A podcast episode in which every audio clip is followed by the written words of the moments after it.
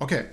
idag ska jag prata om varför jag kollar på 30-40 kanaler, nya kanaler dagligen på YouTube. Någonting jag tycker du, om du är en aspirerande YouTuber, också bör göra. Mycket nöje.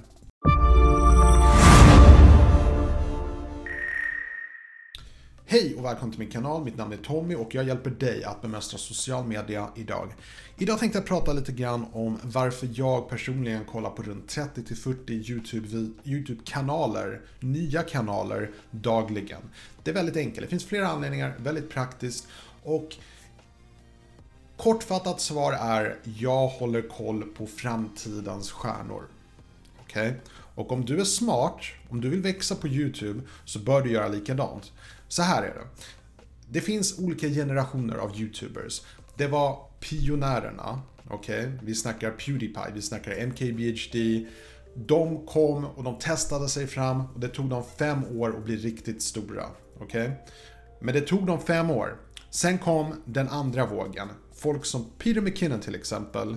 Ehm, det finns många exempel, men Peter McKinnon är nog bästa exemplet på en YouTuber som gjorde väldigt mycket på väldigt kort tid. För att han hade tagit det han hade lärt sig av tidigare eh, generation, det vill säga pionjärerna, och han hade tagit det till nästa nivå.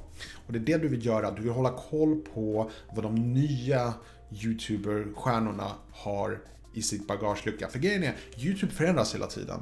YouTube-algoritmen förändras och det MKBHD och Pewdiepie gjorde i början av sin karriär funkar inte längre. Det bara funkar inte alls. Men de fortsätter med det för det funkar, för att de är redan stora, de har en eh, subscriber crew och de är set for life om man säger så. Så man ska egentligen inte titta på dem om man vill växa. Vad man vill göra, man vill kolla på de nya, de som blir stora i år.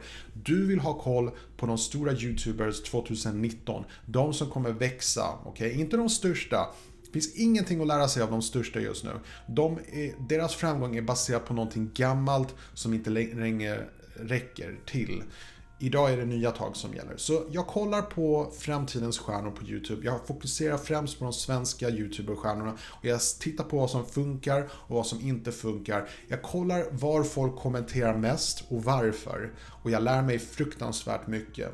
Anledningen att jag är här uppe i mitt spel, trots att jag inte har så mycket prenumeranter, är för att jag håller koll på vad som funkar och vad som inte funkar. Jag gör de rätta moven hela tiden, för att jag lär mig hela tiden. Jag utnyttjar den möjligheten jag har att faktiskt spionera på mina konkurrenter om man vill uttrycka det på det sättet. Och det är någonting du också bör göra. Du ska inte jämföra dig med MKBHD som faktiskt tog fem år på sig för att bli stor, okej? Okay? Du vill jämföra dig med Peter McKinnon, du vill jämföra dig med folk som håller på med YouTube och besegrar dig just nu. Peter McKinnon, han är ett fantastiskt exempel på någon som tar det bästa av det som funkar och tar det så högt upp. Okej? Okay? Och det är det du vill göra. Du vill titta på det som funkar och du vill maximera och fokusera laserskarpt på den egenskapen, ingenting annat. Så det är därför jag håller koll på eh, vad som funkar och inte funkar och jag lär mig mycket. Jag kollar på thumbnails som funkar. Jag har sett väldigt mycket förändringar i hur, hur folk, stora YouTube-stjärnor, har förändrat hela sin strategi med thumbnails. Allting finns där, du behöver bara gå ut där och titta vad som funkar, vad folk faktiskt klickar på. Det är jätteintressant faktiskt, om man har ett intresse för det förvisso. Men vill du växa så måste du hålla koll på morgondagens stjärnor, inte gårdagens. Så är det bara. Det var allt jag hade för idag, hoppas ni tyckte om den här videon. Och eh, om ni gjorde det så får ni gärna klicka like och kommentera nedan om ni har någon åsikt om dagens video. På återseende.